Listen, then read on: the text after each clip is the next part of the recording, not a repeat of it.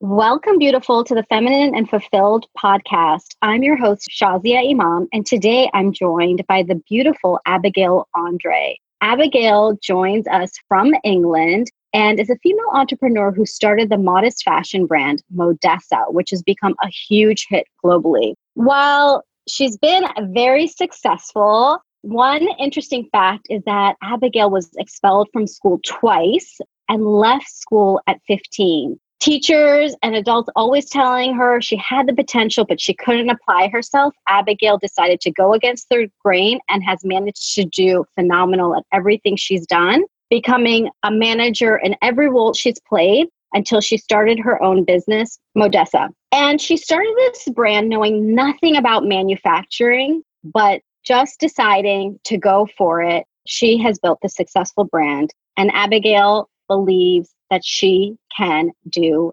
everything. And now that I've met her, I do too. Welcome, Abigail. Hello. Thank you for joining. Thank you for having.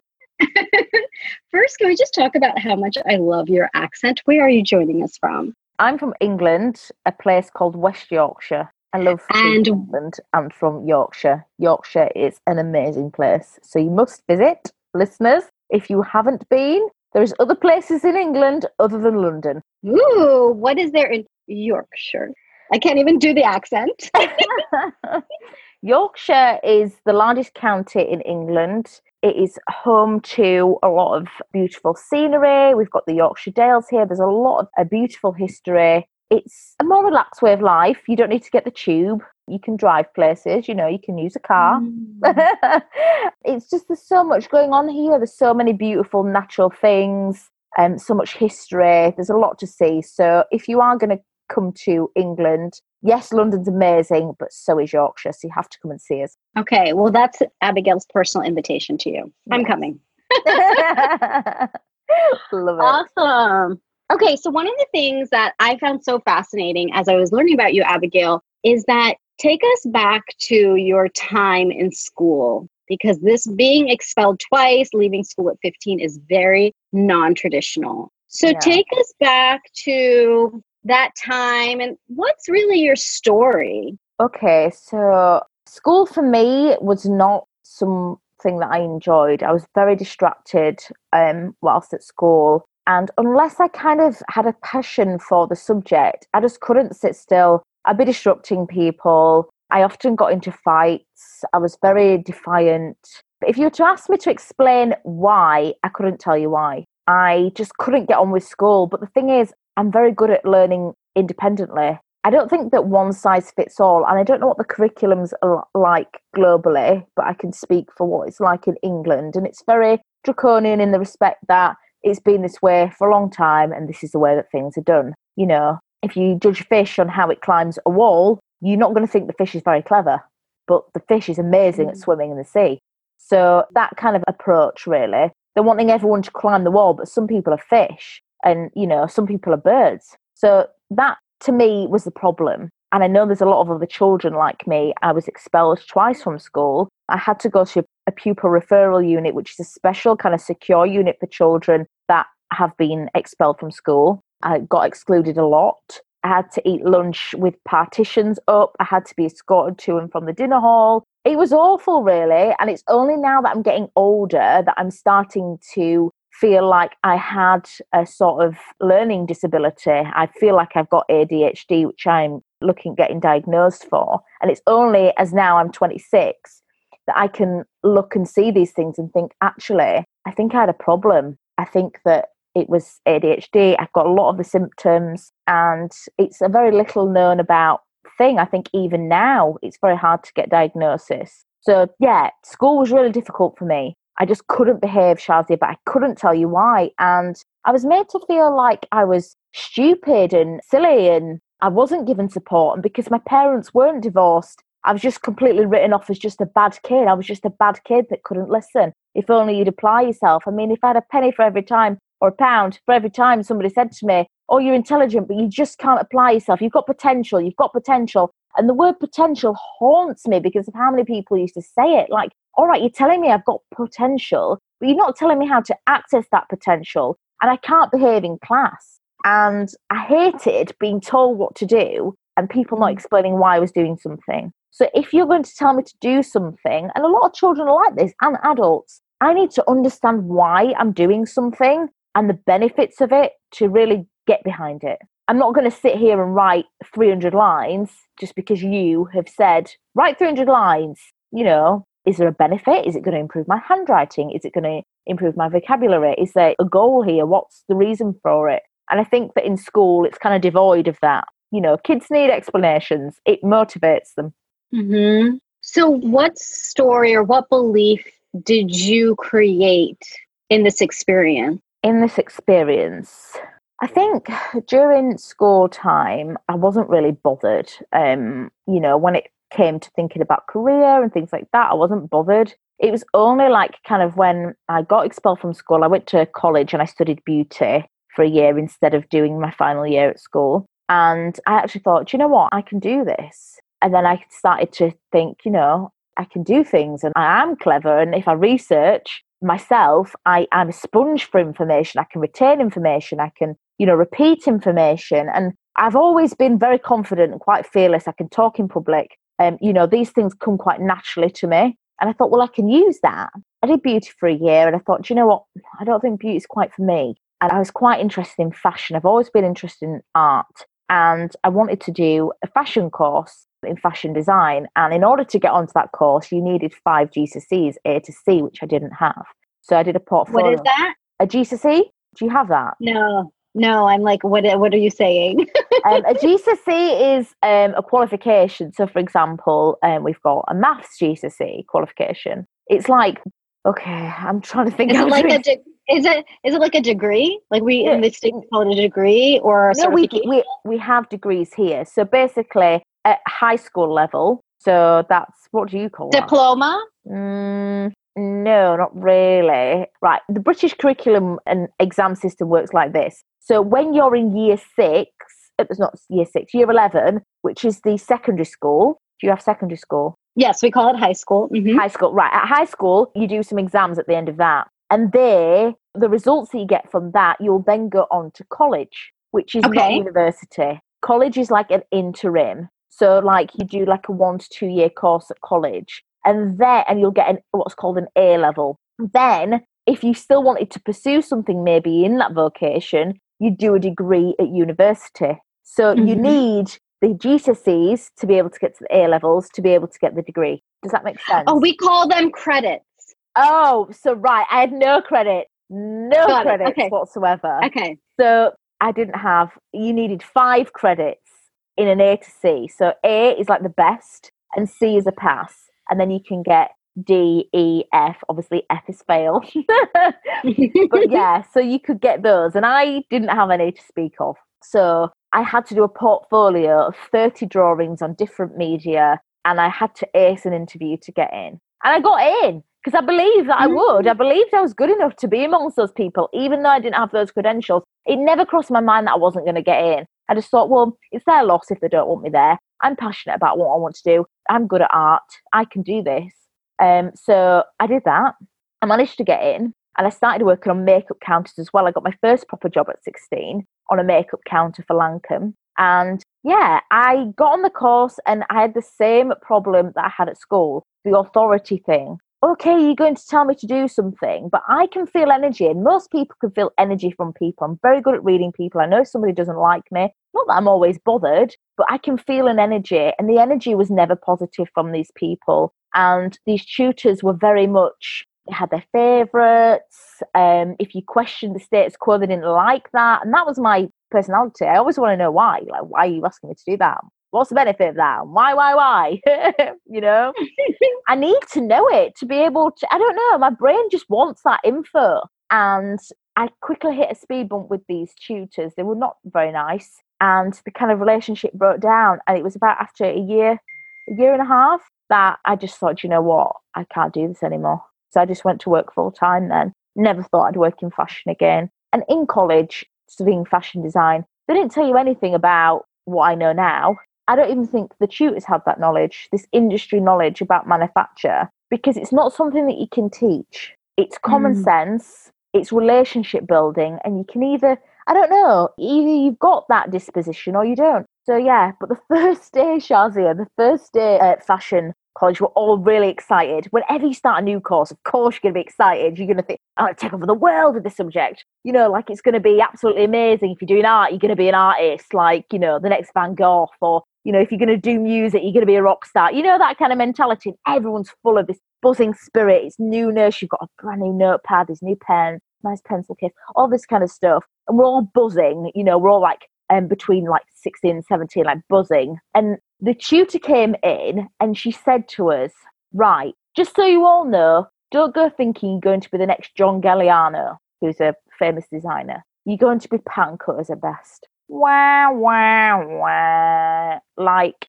talk about like sucking all the energy out of the room in one sentence. And that literally mm. set the mm. tone, literally set the tone for the for the whole course, really, that was the attitude. You want people who are going to raise you up and be your biggest fans. You don't want people who are going to tell you that you can't. I definitely won't be told by anyone that I can't. Definitely not a tutor that's got a one perception of the world. And, it, it mm-hmm. and we already know nobody can tell you anything. We already well, learned that. I'm, you know, if you've got something to say, I love to listen to people. I love different opinions. You know, if you don't agree with me, that's fine. But if you're going to tell me that I can't do something, and it's negative and I could do that, that's not good. You know, you should mm-hmm. be lifting people up, especially as a tutor. That is your role. You are, you know, number one cheerleader of your team, of your pupils. That's your job. Mm-hmm. So, yeah, I never thought I'd work in fashion again. And I can't believe that I am, to be honest. I mean, I love fashion and I, and I love what I do, but I would have never expected it. So there was a break because clearly that didn't work out. That mm-hmm. tutor just like deflated that balloon real quick. Yeah. And so you went on to do management positions, I guess, in corporate and, and different industries that were outside of the creative field. So I did makeup, which is obviously inside of the creative field, but I thought, you know what, this isn't really for me. I didn't find that the money was enough, and I didn't really like some of the environments. Retail just really is not my kind of thing. You know, if you were leaning, I mean, we'd sometimes I'd, I'd work 10 hour shifts, which I'm not adverse to, but if you were leaning on the counters, oh, hell have no fury because, you know, you're going to get in trouble with the manager or something like that. And, you know, we're being on our feet all day, and sometimes people are wearing heels, Shazia, like mm. just a little lean, as long as you, you know, you're making it look ladylike, I don't really see a problem with that. And it just wasn't for me. So I went on to home insurance for a home insurance broker and I, I managed to sell, and it was selling basically cold calling people. I think like I mean they don't do it now, but like the point where you'd be looking through the yellow pages and ringing people up. It was a really old school way of doing sales. But I managed to become sales manager by working my way up in a short period of time. And I mean, that company's still going. I'm actually still in touch with the old director, but I ended up walking out of there over a pair of shoes.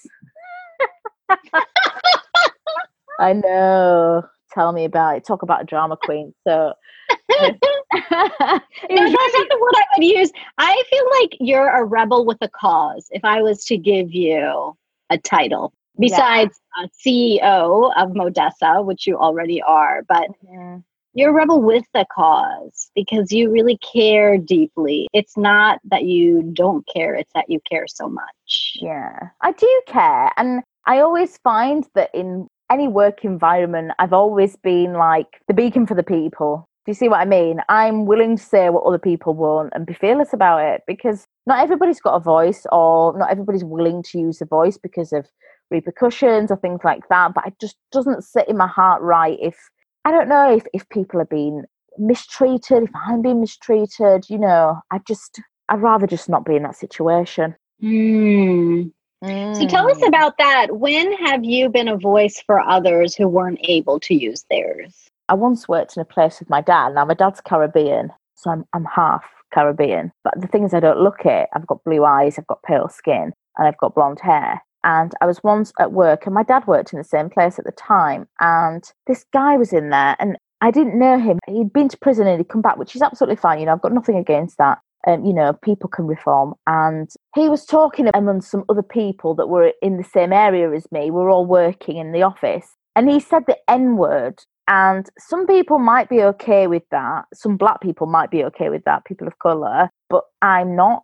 I don't care what colour you are. I don't care where your family are from. And it's not okay because I've grown up being told by my dad the connotations and how he's experienced this word and his experience of the word being someone who came from the Windrush generation. And it's not a positive word, and it never will be. And this person who was saying it was not a person of colour, and they were saying it in a derogatory way. And everybody in the office, in this part of the office, was white. And I just had to stand up for it and just say, What did you just say? And he was like, Oh, well, I'm not racist because, and then it's the usual line of, Oh, you know, my ex girlfriend was mixed race and I've got black friends. Yeah, but that doesn't mean you can't be racist. Mm. And just something inside me just ignited, and I had to say something about it because there was my dad's black and he works in that office, and you know that he's black, and there's two other people in the other part of the office that are black.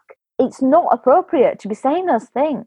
There's no need for you to say that. And anyway, I told him about himself, um, surely, and I left because I was really angry. People said to me, Abby, why do you have to make a big deal out of these things? And they're whites, they don't understand. How would you understand when, you know, you've not grown up with this? Of course, you don't see a problem because you've never encountered a problem like this. You're not offended by it because they're not talking about you, they're not talking about your people. And I had to say something, and in the end, you know, I managed to get an apology. He apologized to me and my dad, even though my dad wasn't there. And my dad said to me, Abby, why don't you just leave that? Because obviously he's grown up with that. It's water for ducks back. You know, my dad's had people start fights with him because he's black. And I just said, Dad, I just can't. I can't let people say that. And there's a, a black girl and black guy in, in the next office who I knew, and they thanked me for that. You know, and it's something really little but imagine if I'd just let that go. He, they'd mm. think that that's okay, and it's not okay. It's never okay. Even if there's, if you don't see anybody of color in the room, it makes no difference. And that's just one example of where I've kind of cut my nose off to spite my face. I mean, I got suspended actually with full pay, might I add, um, for that whilst they investigated it because I walked out of work. I was really upset, you know, and angry, and I just felt like management weren't dealing with it, and that's a serious thing you can't just throw these terms around. It's not okay. Mm, wow. Wow. I'm really moved. I'm moved by that because it's, you know, we live in a world now where people have a lot of platforms where they're using their voices, but sometimes when it comes to the most important moments, just like the one you shared, mm-hmm. where you're in it and people stay silent and you're the one to really say something because you do care. Mm-hmm. That's powerful. Mm-hmm. That's yeah, that's fierce. Well, yeah, and I just I didn't care. I wasn't bothered. Everybody else in the room was white, couldn't understand why I was saying anything, but I'm not bothered. I'm not here to be liked. I'm here to stand up for what's right, and that's always been kind of my ethos. So yeah. How do you not worry about being liked? How do you let that go? I think it's something I've been like since I was a child because I've never really had I don't know. I've never been really that close to people. Any friends I've had, I've been friends with for years. You just I don't know. I think it's a learnt behavior. Everybody wants to be liked. As a human being, it's in our nature to want to be liked. And I don't know. I think you've just got to train yourself. You've got to push through it. You've got to just push through the feeling, acknowledge the feeling, but let it go. Don't let it consume you. Because at the end of the day, can you pay your bills with that person's opinions? No, you can't. Mm. I hope that so that explains. I hope that that explains. So true. Yeah, I'm just taking that in because I'm like, yeah, I need to hear that many times. So let's talk about who's paying the bills because you're paying some bills with your successful business. So let's hear about that. How did you start? And, you know, we have a lot of listeners too who are interested in potentially starting their own business or in a business themselves and looking to grow. Yeah. So tell us about your journey and along the way, any things you learned and any advice that you would give because as you and I both know, running your own business, being an entrepreneur, is not all glitz and glamour by any means. No. Do you want me to talk about just business generally or specifically fashion? Let's talk about fashion. Okay. Well, I started researching. Research is really important, which some people don't enjoy research, but it will pay dividends if you do it correctly without research, you shouldn't be starting a business or any entity at all. You need to do research. And by research, I don't mean a few Google searches. You need to speak to people. You need to go where your potential customers will be. So, whether that's a trade show, any events. I mean, when I started, I went to uh, modest fashion events. I went to anywhere I could go where I thought there'd be a concentrated amount of my potential customers. So I went to a lot of like Muslim women's events. I went to, as I said, modest fashion events, which mainly Muslim women. I wanted to see how the consumer reacted with what's already out there, what they value, what they didn't value, what they dress like already, what kind of colour palettes they were already wearing, um, the kind of people they look. And why did you care? Why did you care about modest fashion? Oh, why did I care? Well, modest fashion yeah. for me, like a few years before I became Muslim, I did dress quite conservatively anyway because that's what I like. I think it's classy. I've never been a jean wearer. I don't really wear pants, or I didn't wear pants until I created my own because I just didn't think that that suited my frame and you know my personal style. I like quite elegant stuff. I've always liked quite I don't know 50s 40s um, inspired things, but I became Muslim and obviously there needs to be a bit more of a change. You know, so before I'd show like up to the knee, now I don't show up to the knee. I'll, I'll cover with leggings, tights, or I'll wear a full length a uh, dress or, or skirt or pants. But yeah, I became Muslim and I just couldn't find my own identity. I mean, when I first became Muslim, I was working as a business development manager and I'd be going out and about visiting clients. And I was just wearing a black maxi skirt with a black duster coat and a black top. I looked yeah. just like, honestly, it was ridiculous. It looked ridiculous. And even to the point where people were taking a mick out of me, which obviously I wasn't bothered about as you probably know now, just brushed it off. But I did actually think to myself, do you know what? I can't find anything that's me. And when I spoke to other people as well, like other Muslim friends or converts, they couldn't find things either. And I mean, even women who were not Muslim but wanted to dress conservatively, I mean, Pretty Little Thing, Boohoo were booming at that time. I don't know if you've got those brands out there, but they're like fast fashion brands over here, and it's less is more everybody wants to get everything out. Not everybody wants to do that, or not everybody feels comfortable, or like they should do that. It's not in line with everybody's morals to do that. And I mean, it's fine of it if you want to dress like that. I've got nothing against people that do, but just for me and for other people that I know and have come into contact with, it just wasn't something that they wanted to wear. So I thought, do you know what? I'm going to create my own. And I had no idea how to do it. But I researched, I spoke to people, I hunted people down on LinkedIn. I literally headhunted people I looked at the credentials they've got. What brands are they working with? I want to speak to you because I know nothing. I want to learn from you. And people were happy to speak to me. You know, one guy who trained Alexander McQueen, I ended up in his house. Um, a pattern cutter. I mean, I didn't end up using him, but I was invited down to uh-huh. his house. He was telling me all this information. You know, I was just fearless. I'm just a sponge of information. I wanted all the information. I visited factories. I spoke to all different people. I had a contact at Burberry because they were one of my old clients. I grilled him. He put me in touch with some other people. I mean, I've, I've seen our Burberry weave material. I just wanted to get in everywhere and everywhere. And I'd contact everybody and I'd go everywhere and I'd be looking online and I'd be looking at competitors. And I researched and developed for a year before I even launched. And I eat, slept, and breathed it. And I think that's really mm. important. You've got to be obsessed with whatever you're going to get into. Any half hearted effort will come out in some way, shape, or form. And you can't do anything half-heartedly. It has to be with heart. Heart is what makes you different. Heart is the USP. Your heart is the USP. And yeah, I launched it. I launched with five pieces. I didn't know what I was doing really. I'd never done fashion manufacture. I'd spent a lot of money on on things and then it didn't come off. I didn't use them or or whatever. I mean, in fashion, development is the most costliest part of the business, really um, you know, developing, so sampling, pattern making, all these different things, very expensive. And yeah, I just had a go. I mean, the first photo shoot, never done a photo shoot before. Um, hired models, directed the shoot, got content, you know, all these things. I made my own branding, um, had a website built. It was a lot. And the thing is, I don't have any partners. So I couldn't be like, oh, do you know what? Will you just do this? Or um, I've done this. Can you do that? Or here's a list for me and here's a list for you. I had nobody. and I still don't have any partners. So it's an amazing thing is owning your own business, but it's not, like you said, all glitz and glamour. You're going to make a lot of mistakes and it's going to cost money. And I mean, sometimes my anxiety's been through the roof. Um, I mean, one time, this is really funny actually. One time, it was during Ramadan and I was fasting and like we were packing orders as well. And I got like this, I get like a brain fog when I'm fasting. I'm sure everybody does because you're still adjusting you know, two weeks' time. I think you're still kind of adjusting. That's when your body kind of adapts to the ketosis that you're in. And one of us sent the wrong dress size to a customer and it was for Eid. And it was the day before Eid. And she contacted us the day before Eid because she just received it. You've sent me the wrong size. And I live four hours away from London by car. And I was fasting that day. I drove to London whilst fasting to bring her the correct dress. That's an eight hour round trip in a day. Wow. I know, but I just didn't want to let her down and I knew it was our error and I needed to fix it. So, yeah, I've done some crazy stuff. Oh, talk about live, eat, and breathe. You can't even eat, but you still better breathe this business. I know. I remember breaking breaking fast whilst driving. Like, got to get there, got to get there.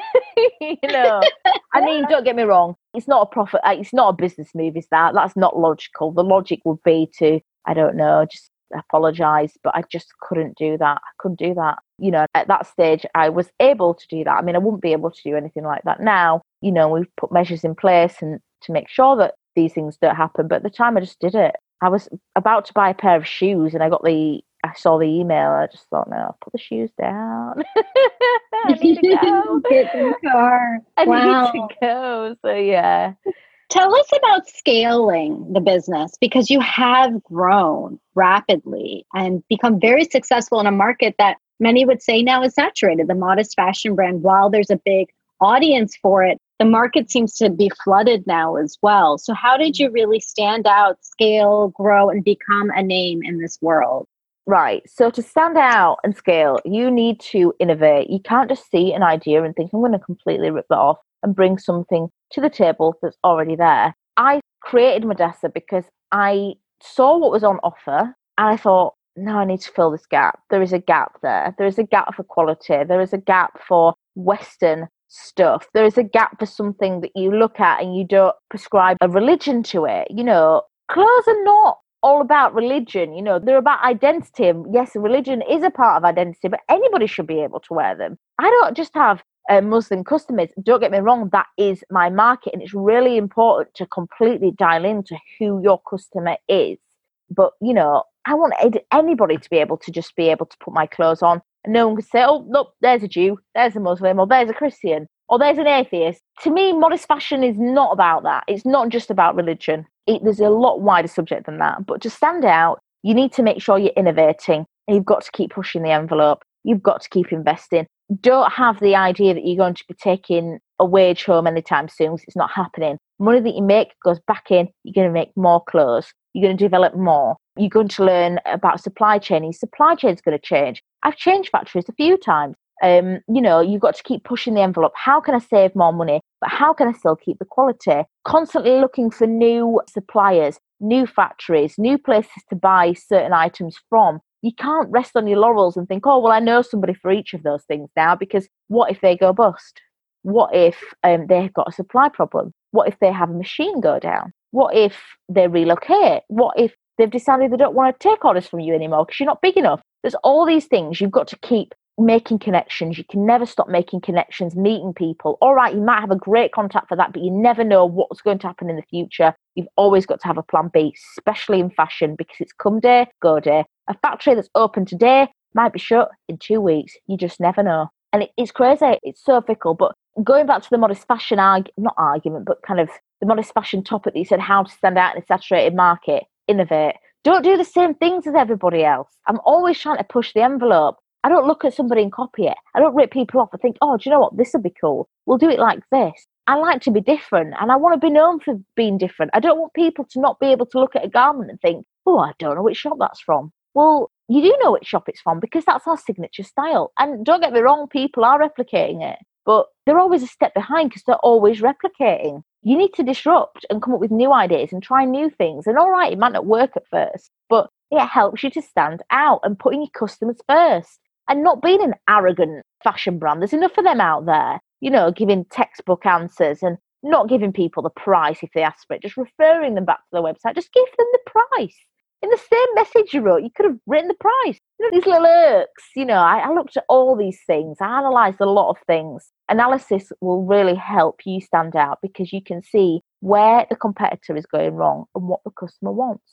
Mm. How about the comparison that can come up in seeing another business that has been or is more successful than where you're at now? What do you mean? When I look at it, how do I feel? Is that what you mean? Have you do you ever do that? And if you do, how do you move past that? Of course you look and you think, oh well, you know, that's great. How I look past that is I believe that whatever's destined for me is destined for me. Like anything that's destined for you, Shaz, is destined for you. Me doing my thing's never going to detract from your thing, even if we do the same thing, because it was what was written. And that's personally what I believe. I also believe that I can have anything that I want, and so can you. And you should say about it, well, God, please continue to bless them, but also bless me as well. I think that if you've got a jealous disposition about these things, it starts to breed resentment inside you and negativity, and that can't help you reach your goals. You've got to really fight past that. Naturally, as humans, we do feel like that, and especially as women. I don't know why, but as women, we can be more like that than than a man. I find, but we've got to fight through that there's always going to be parts of your personality that pop up and you can think, hang on, I don't like that. And you've got to fight against that. You can change that. You're not stuck in that rut just because you've got a jealous disposition.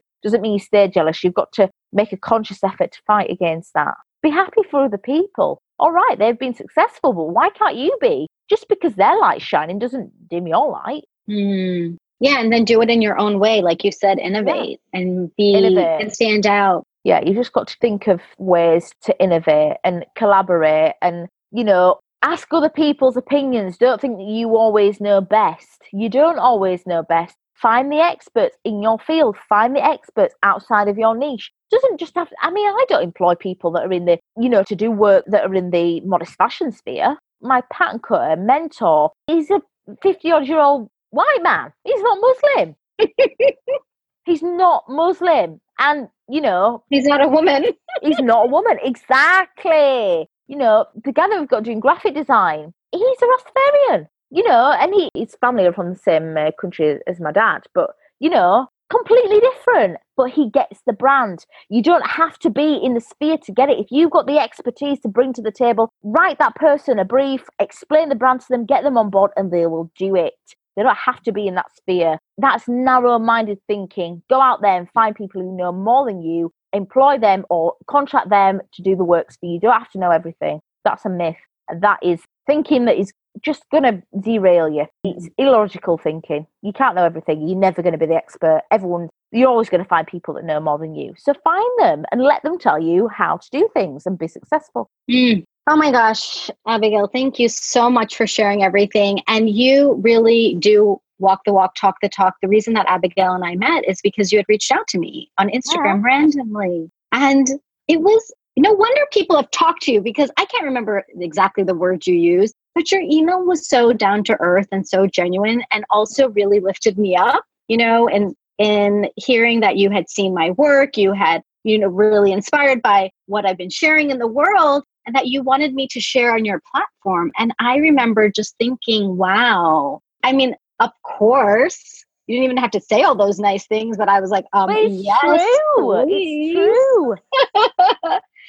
and it created this beautiful collaboration that has really been it's just it keeps blossoming abigayle and i know that we are just in the beginning of something so so so big i feel it for both of us you're already like doing fabulous in your business and modessa and i know that there's so much more so mm-hmm. i'm so glad we had the opportunity to meet i'm so glad i'm getting to share you today with everybody yeah. and how can people shop your beautiful wine? Oh, if people want to shop, our Instagram is shoppable, but you can shop at www.modessaonline.co.uk. Okay, so that's M O D E S S A dot C O dot UK. It's Modessa Online. M O D E S S A O N L I N E dot C O dot UK. Yes. Beautiful. So I highly recommend you check out Abigayle's beautiful designs and high quality clothing. I do own Modessa clothing and it is phenomenal. I love the piece. Is it in the bio? I don't know. It's like that beautiful chiffon kimono. blue chiffon kimono. It's even too fancy for me to talk about, but the floral on it. Oh my God. I feel like literally like I should be in an island in Greece Nice. in a beautiful white home wearing that. Nice. So the quality, you know, I just love the quality of your pieces, Abigayle. I love the workmanship. I know you do everything in house. When you talk about really caring about the customer, I know that you have that in your brand. Yeah, it's important to me. Obviously, I'm English, half English, born here. I really believe in supporting local economy. So everything's made in the UK. All of our clothing is made in the UK. The workers are paid fairly. Now it's not in house at the moment, but we are looking to do that as a next step. But the factories that we use are UK factories, English factories, Mm. and it's it's made in England. It's important to me to put money back into the area, the country that I live in. You know, everybody wants to do things in China, which is fine. Everybody wants to do things in Europe, in the southeast, in the far east. You know, why do that when I can do it here? I can go see the factories, I can visit them. If there's a problem, I can communicate better. We speak the same language, we're on the same time zone. We're just a phone call or a drive away, and that to me is really important. I also think that British quality is great and it's something that's quite sought after globally is British made things. Truly, it is. Mm-hmm. So, how else can our listeners reach out, connect with you? If anybody wants to connect with me, I'm always up for um, giving back and giving, you know, advice on if they want to start a business or something like that. Because I've been very privileged to have some amazing mentors in my life that are very busy and successful, and they shouldn't, you know, they don't have to give time to me, but they have out of the goodness of their heart. And I truly believe in paying it forward and giving back because you just never know. Um, you know, someone might really benefit, or you know, someone could be a, an overnight success just for something that you said or did. And I always believe that that comes back to you. It's always a blessing back. So if anybody wants to get in touch, you can um, contact me at a b i g a y l e. That's Abigayle at m o d double s a o n l i n e dot co dot uk. So that's Abigayle, funny spelling, at modessaonline.co.uk. Thank you for sharing that. I just thought you could share your Instagram handle. Thank you so much for being generous and offering that. That's fine. I get really a very excited person about ideas. I'm an ideas person, but they don't even have to be my ideas. They can be somebody else. Like if someone else is starting a business, I feel like I'm starting a business. I get very excited about it. I love adding ideas. And I mean, I know, I mean, even my beauticians and stuff like that, I've given them ideas and, and it's helped them to generate business and it makes me feel good. I love it. You know, I love to be able to give that information because people pay a lot of money for that, you know, like marketing information and things. And not all small businesses can afford that, you know, to have a marketing company do all these things for them. So, you know, I encourage people to do it themselves and to do their research and to know their audience.